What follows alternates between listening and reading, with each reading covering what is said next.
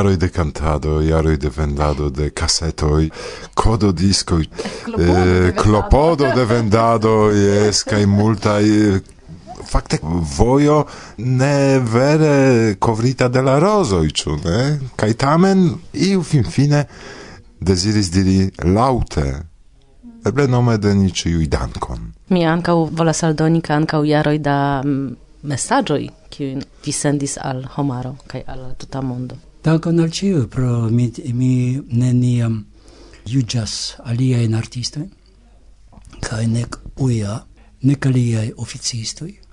Sed mi mem pensas, ke se vi estas kuraĝa, vi devas montri tion. Se vi montras tion, vi estas kuraĝa. Kaj se vi nur diras, che ni estas neutrale tio eble estas malkuraĝo. Kaj hodiaŭ estas eble krimo ne diri pri sia pozicio au sia kiel vi vidas ĉion. Kai eh, ĉiutage eble ni ne bezonas diri pri tio sed kiam vi havas eblecon necesas. do necesas jes.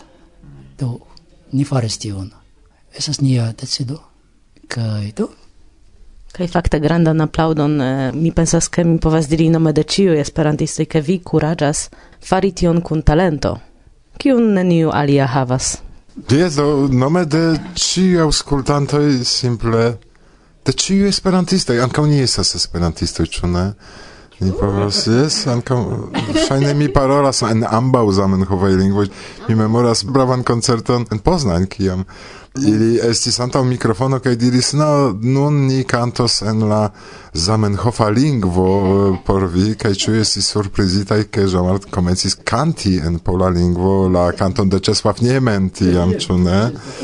mimo zami jesień się zaczyna, estis iom da pronons i sed tamen jest kaj poste jest pod pabogami, jest Czy jesteś szokitaj? Kaj Natasza klarigis, no, Zamenhof parolis pare. E, mi volus scii, ĉu vi ankoraŭ planas eldoni e, komunan albumon kun Karina, ĉar mi ege sopiras vian kantadon triope kial ne? mm, yes, do esis tempo, ca esis la triopo, ne plu. do Karina havas sian propran eh, vivon nun, ĉu ne? Aŭ loĝas for de ni? No, for en Europa en Francio. Yes, kai tiam eh, oni de, no, oni salaras pli dum Kristnasko kai ĉiuj ferioj ĉu ne do tiam oni laboras infanoj ĉu ne kai venas al aliaj tagoj kaj ne tiei e al hemo. Sed um, ne, fakte, si cantas eh, rokan musikon, kai si havis grupon en Svidio, kai ili havis tiuin concerteto in en baroj kai kluboj, sed eh, tiu estas hobio nur kai do si nun eh, kun ŝia koramiko multe grimpas eh, en diversaj montoi kaj okupiĝas pri tio, ne? Por ĉio estas sia tempo che voce de patro? Do mi daure havas esperon. Mm. E, si devas esplori vivon, compreneble. Anca si devas trovi sian, sian locon en tiu vivo. Ca nia vivo, ca compreneble ne estes la plei non tempo vivo, la plei facila. Ankaŭ au speciale por junaj homoj. Mi havas esperon che kiam si maturigas ni diru tiel. Esploros cion alian. Yes cion alian. Eble tiam ni denove faro triopon. Do Natasha Karina kai maljuna Jomart nee Sed fakte ni ja dum pandemia tempo faris eh, kelkajn videon kun la cantoj kaj tie fakte estis Karina en unu el ili. Ŝajne estis tiu comuna proiecto con diverse esperantistoi? Kaj ŝi estis ĉu estis imago jes kaj tiam ŝi hazarde estis fakte hejme por ĉu semajnfino tiam kantis Martin jes jes jes kaj tiam ni demandis ŝin ĉu vi volas o, oh, kompreneble do ŝi volonte venas ŝi neniam forgesas pri Esperanto sed do la la prefero estas iom aliaj nun simple. Vivo daŭras kaj nia ĵurnalistino de nia itala filio. Ĉu havas iun demandon al eminentaj eh, subtenantoj de la kulturo esperantista? Unue mi mm, nur ŝatus mm, komenti ke tiu ĉi estas unu el la plej kortuŝaj kaj emociplenaj spertoj kiuj mi travivis dum la lastaj jaroj mi pensas ĉar uh, ni ofte elvokis la ŝtonan gaston en la ĉambro kiu estas la pandemio. Kaj fakte la pandemio almenaŭ por mi esis eh, tre grava malhelpo anche por eh, do rilata alla contatto con mie emozioni por mi esis tre malfacile. Kai nun mi commensas ti mio malpli emozio in kai vidi via maniera racconti vin mem kai esprimi vin tiom sempere sincere tio esis tiom grava por mi kai tiom tiom korvarmiga. Do perdono se mi ripeto la saman la saman vorton ancora ancora ancora do mi devo tiom barighi mi han portaron kai crome mi chatu sanco commenti pri tio, do pri la facto che quelcfoie uh, eh, artistoi sentas eh, auspertas eh, urgetson al preni posizion transdoni messagion kai tel plu. Do vi estas multe pli longsperta io mi do mi ne esprimas mir per musico sed per vorto almeno mi comenzi fari tion. Kai se temas pri tiu urgeco exemple mi sentis tion fakte komence de marto kiam naskiĝis mia racconto Requiemo kiu havas kiel fonon efektive la militon kaj ankaŭ la mm, lenso de okcidenta virino kiu fakte sentas sin en pozicio de homo kiu ne vere havas la rajton suferi ĉar estas en privilegita pozicio do la fono de tiu rakonto esistio mi verkis tiu racconto ne blene de tri tagoj mi sendis ĝin al Jorge Camacho por ricevi komentojn kaj li simple diris al mi tion vi lasu uh, tiel kiel vi verkis. Ne, ne tuŝu ĝin ĉar tio spegulas viajn emociojn en tiu momento kaj tio estas tiom grava. Kaj fakte do tio poste ankaŭ ricevis agnoskon se tio ne, ne estis la plej grava afero. La plej grava afero estis tiu instinkto efektive rakonti esprimi ion en urgia momento, char vere esistiu tre forta premo, kium mi ne, ne successis bremsi, do mi, mi devis verki ion pri tio, kai esas tiom, tiom cortusce vidi tion. Se temas pri demandoi, mi fakte, mi pensas che tio si siam starigita, sed mi shatus vere uh, si pri viei planoi por uh, la Mm. Oh, mi ancora, ni ancora ne multe planis, ĉu ne? Do ni daŭrigas nian kredon. Eh, ĉiam estas eh, multe nove temoi kiu ni ancora ne cantigis. kai ankaŭ ni ricevis kelkajn invitojn por la sekva somero kai do ni vidos, do ni eh, estas eh, esperplanaj se neniu alia viruso venos, yes, do tiam ni, ni esperu, ke ni, ni realigos niajn tiujn planojn do. Jean-Marc, novaj ideoj pri novaj tekstoj, novaj komponaĵoj? Oh ciam. Ciam, ciam, ciam.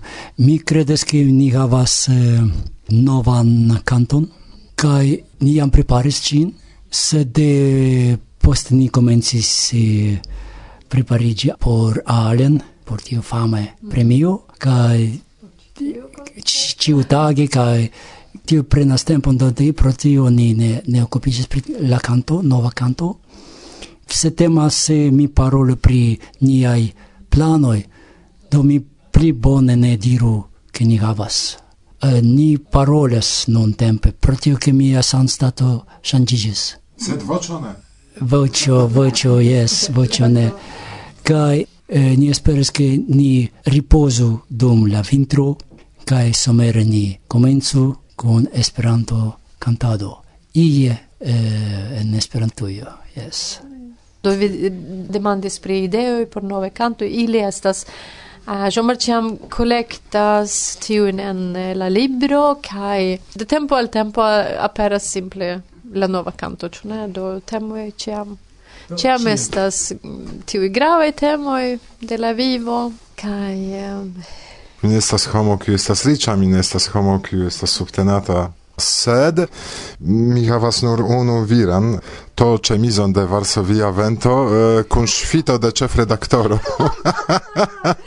Set estas nova, estas unu foje vestita do Jean-Mart al vi ambau, mi desiras transdoni, porke vi havu memorażon de nia multiara amikeco fakte, kaj vian ligon kun Varsovia Vento, ankau tion, ke vi registris por ni ĝinglojn sen sen sen jes kaj vi sendis kaj ni uzas tion. Jes koran dankon. En la mondon venis nova sento Varsovio vento bla bla bla ĉu ne? Pardonu ĉar mi havas nur unu ĉu ne? La virinan mi iam mi havis la ĉemizon sub ĝin ankaŭ bone bone to ja mi memoras kaj tio estas x-lodo por vi estas bona. Same kiel Karaj, ni amas vin! Dankon koran! Ja, profundan dankon.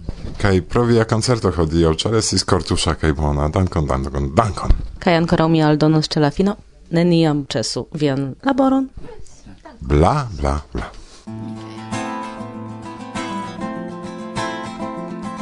Mi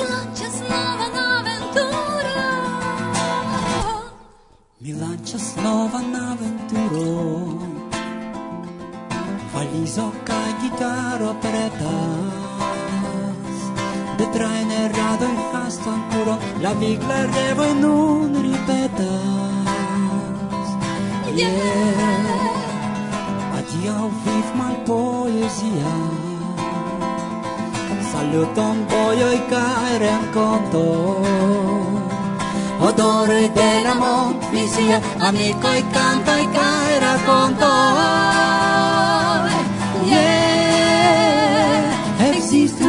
Malvinas forgesendas, impreso en nova en poliosendas, Satimba y Uruguay, charma y homer, Elie cuchima y faro.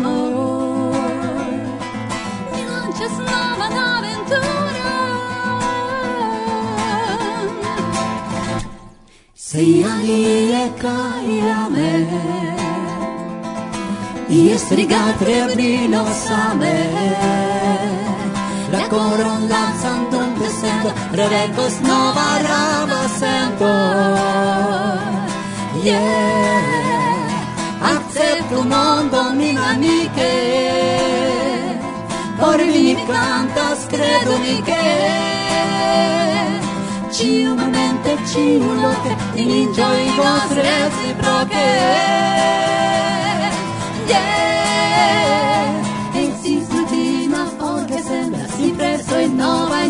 sendas atinta iur voi charma mai home ten mai cutima pi paromo i la media la punta veta la incandesca sun deserta e tutta mon por mi amiro e por in peta e por instiro Mi lancias nova na aventura, valizo kaj gitara pretas. De trajna i rado i hastan kuron, la vigla revo non ripetas.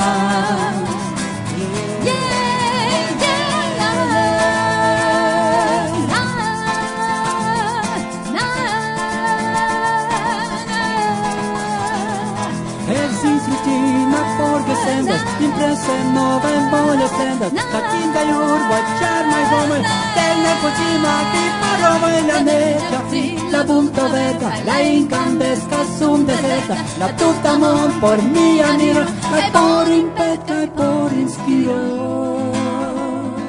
Mi lancias nova na aventuro Mi lancias nova na aventuro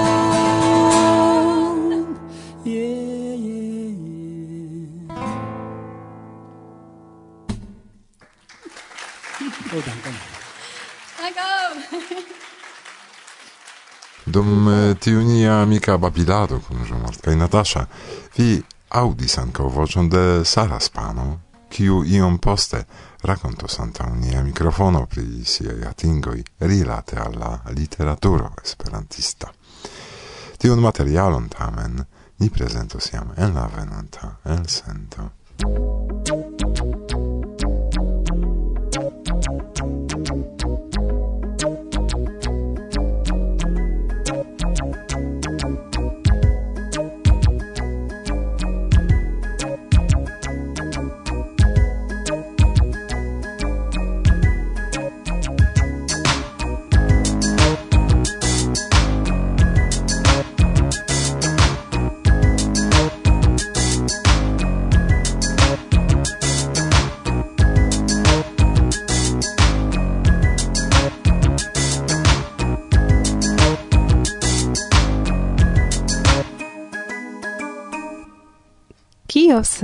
anstatau paroli pri la agado simple ni agus. Ĉu eblus ankaŭ tiel popularigi la Esperanto-lingvon kaj kulturon? En la komenco estis la vorto. Ĝin, se temas pri Esperanto, donis al la mondo Ludovico Zamenhof. Sed la vorto sola ne suficius por disvastigi la movadon esperantistan tra la mondo. Necesas ankaŭ agoj, kai homoi pretai agi, kun capoi plenai da sonjoi kai visioi. Unu el tiui, kai versaine plei active, fervore, flame kai fiere laboranta por la disvastigo de Esperanto, sen dube estis Hector Hodler.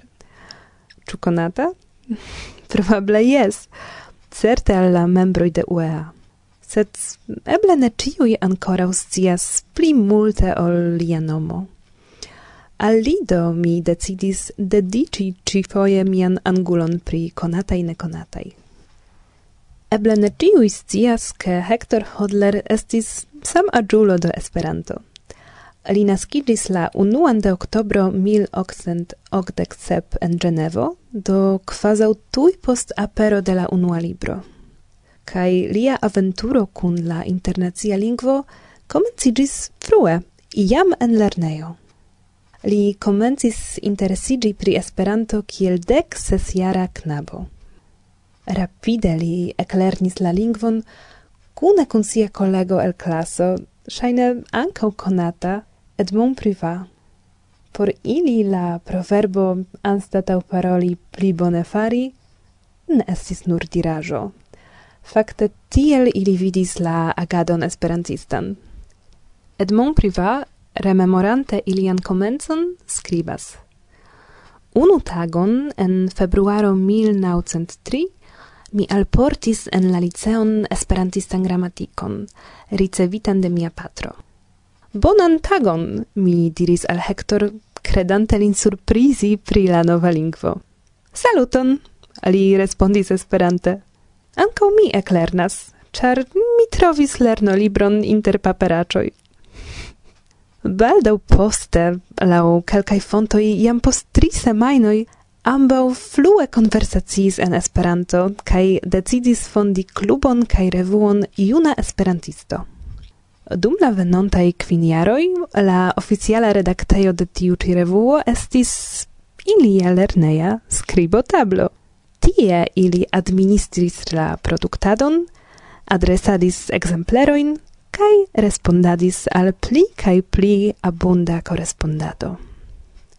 En la fino de 1906 Hodler acetis de Paul Bertelo rajtojn al revuo Esperanto kai komencis gin redakti gis sia morto. Dum dek tri jarojn de redaktorado li verkis artikolojn, tradukis kai influis aliain traduki ĉef verkoin anstatau bagatelajoi. Se li naskidis en 1887 kai en 1906 idis posedanto kaj ĉefredaktoro de la revuo, mem kalkulu kiom da jaro ili havis. Menciindas, ke en tiu jaro kune kun Edmond Priva li ne nur partoprenis, sed ankaŭ kun organizis la duan universalan kongreson en Genevo. du junuloj inter generaloi, scienculoj, aristokratoj kaj diplomatoj imagu. Kaj quasau tui post en aprilo 1900 ok, Hector fondis existantan gis nun kaj plei konatan organizon reprezentantan Esperanto, nome UEA. La creo de tiu asocio, lauli, caracterizas karakterizas do novan stadion nome la transiron de predicado al practicado. La stadion de esperantismo en irinta en la vivon kai existanta per siei proprai fortoi. Hodler donis al la movado ankaŭ ideologion. Li difinis esperantismon.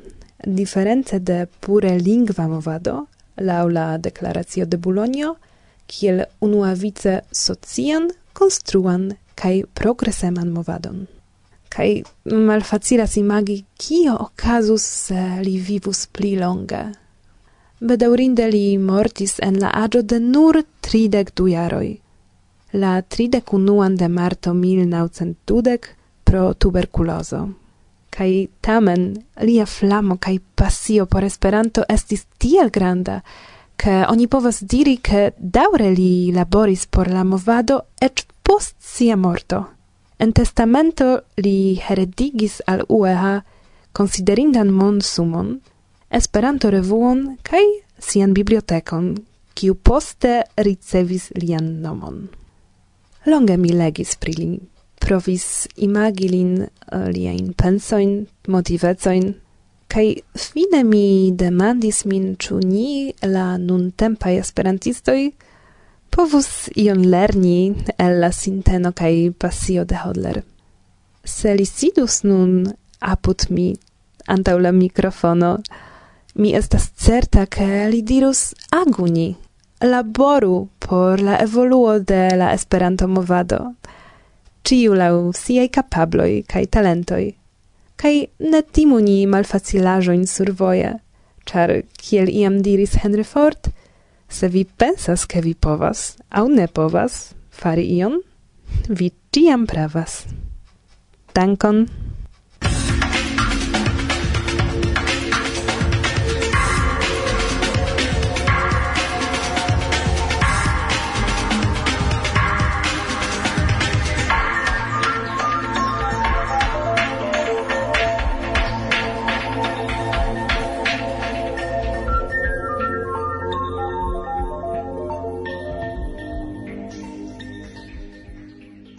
Saluton, unu, du, tri.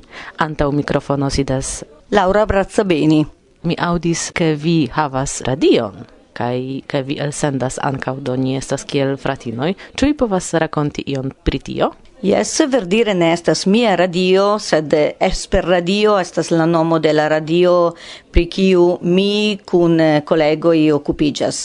Do, la radio naskiĝis eh, antaŭ kelkaj monatoj, oni diras la 1 de aprilo eh, 2012, eh, danke al iu viro eh, kiu ekkomencis interesiĝi pri Esperanto. Li havis eh, aliajn radioin, li nomiĝas Vox, la voĉo, eh, kaj li enamigis en Esperanto. Do li proponis eh, al personoi kiui loĝas en eh, la urbo Pistoia eh, alla loca gruppo kai ti estis eh, Nicola eh, iu gruppano kiu anco diris oh bone ni povas komenci fari ion por Esperanto per de de iu radio de iu web radio oni diras kai ni komencis Kiom ofte vi elsendas? Oni registras la programoin eh, kaj ni havas eh, iu programero kiu nomiĝas i kun pasio, kiu estas eh, ĉiusemajne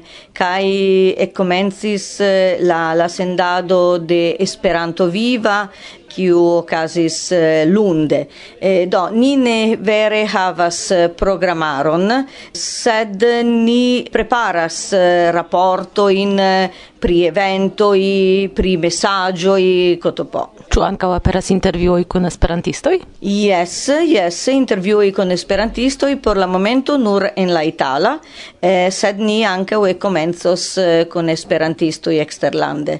Ĉar unue oni volis eh, disconigi Esperanton ankaŭ en Italio, sed poste ni vidis ke la radio estas eh, la radio de ĉiuj esperantistoj, ĉar ni ni ne volas esti radio de iu asocio, exemple nur de Itala Esperanto Federacio, ĉar ni estas en Italio, aŭ de Itala Instituto de Esperanto, aŭ de Bunta Esperanto Asocio, aŭ de Ilei, Do, de ciu, ciui asocioi qui volas labori, casas congressoi de IFEF, exemple, ni raportis pri la congresso de IFEF, dum la internazia junulara festivalo de Pasco, anca oni faris rapporto in eh, pritio. Ciu estas multai auscultantoi? Shainas che yes, eh, char ni nur vidas eh, la visualizado no ni povas diri ke oni vidas la visualizado do oni vidas eh, en Facebooko kiom da homoj vidas eh, auspektas eh, la filmeto in kaj anka oni atingis kvincent homoj Kai nun ni estas komencantaj en la YouTube kanalo de Esperradio e metti programmero in ancotia. Ĉu estas viva elsendado aŭ estas registritaj podcastoj? La plejmulto estas registritaj podcastoj, sed ekzemple dum eh, kongresoj ni ankaŭ faris eh, streaming programerojn. Interese. Kaj ĉu estas multe da reagoj de esperantistoj aŭ nur italoj, ĉar vi menciis, ke ĝis nun estas plej ofte eh, elsendoj en itala lingvo kaj eh, vi planas fari tion ankaŭ en Esperanto? Do, eh, nun ni, kiam ni raportas eh, pri diversai eventoi au kiam ni elsendas messagioin, exemple messaggio de UEA, messagioi de la presidanto de Ilei, Cotopo, eh, ni vidas che Sufiĉe multe da esperantistoj e la tuta mondo eh, reagas, eh, do ni havas aŭskultantojn aŭ eh, spectantaro in Brazilo, in Pollando, en, eh, ankaŭ en Ukraino, jes. Mm, kaj ĉu aperas ankaŭ informoj eh, pri Italio dum la elsendoj aŭ ĝenerale estas pri Esperanto? Nun eh, estas ĝenerale pri Esperanto. Ekzemple hodiaŭ, kio estas la deka de decembro, eh, estis eh, programo pri la homaj rajtoj kaj mi preparis eh, filmeton eh, parolante pri la homai raitoi, cae tiu ci filmeto estis en la Itala, char la titolo estis Esperadio, Itala Instituto de Esperanto, cae homai raitoi eh, por Italoi. Do, oni volas disvastigi la feston de homai raitoi in Italio, eh, sed eh, ancao oni profitas eh, por disvastigi Esperanton, compreneble. Kiom da redakcianoj havas eh, via radio? Do, por la momento ni estas eh, kvin. Estas eh, la respondezulo, kiam diris, Vox de la vocio, estas mi, kiu representas Itala Esperanto Federacio, ilei, kaj ankaŭ Itala Instituto de Esperanto, estas Anna Maria Dall'Oglio, verkistino kaj poetino, kaj ŝi okupiĝas pri literaturo, Estas Clarissa Sabatini, kiu estas cantistino, kiu cantas en kvin lingvoj kaj ankaŭ en, en Esperanto, kaj eh, ĉefe estas Nicola Morandi, kiu okupiĝas pri la astronomia bulteno. Tiu ĉi estas bulteno kiun eh, ni elsendas dufoje monate, kai li presentas en Esperanto la situacio de la steloj kaj la pli bone la observado de la steloj. Tre interesa temo, mi devas nepre tion eh, auskulti. Kiaj planoj por futuro? Ni jam eh, komencis ankaŭ pripensi al la estonteco, do ni naskiĝis antaŭ sep ok monatoj, e, eh, do por la venontaj monatoj ni estas preparantaj e, la legadon eh, de libroj kaj ni komencos per la eta princo en Esperanto eh, kun eh, Claudia Maggi, kiu estas lernantino de Esperanto, sed ŝi volas ekkomenci kunlabori. Oni diras en pola lingvo dik fingrojn por la sukceso. Ankoraŭ ĉu vi povus mesaĝi kion vi deziras al aŭskultantaro? Yes, mi, de, mi bon desiras al ciui ascultantaroi de Varsovia Vento, bonan chanson, kai mi esperas o che ni povos cun labori, kai el sendi programo in ancao cune se blas, au che nia ascoltantaro povos ausculti kai specti Varsovia Venton, cotopo. Do ni estas esper radio, eh, estas iu web radio, oni diras, do ne estas nur a vocio, estas anca o videoi. Coran dankon. Saluton, cae gis de Laura Brazzabeni. Cae nun vi auscultas Varsovian Venton. Reklamo. Ĉu vi ŝatas la someron kaj volas plibonigi vian Esperanto-nivelon? De deksepa al deknaŭa de februaro eblas partopreni la someran Esperanto-tendaron en Ĉilio. Dum la dutaga renkontiĝo eblas praktiki kaj plulerni Esperanton en natura etoso kaj neformale, kvazaŭ familia tendumado. Kurso de la lingvo okazos en tri niveloj A, B1 kaj B2, ankaŭ personoj kiuj ne parolas Esperanton estas bonvenaj.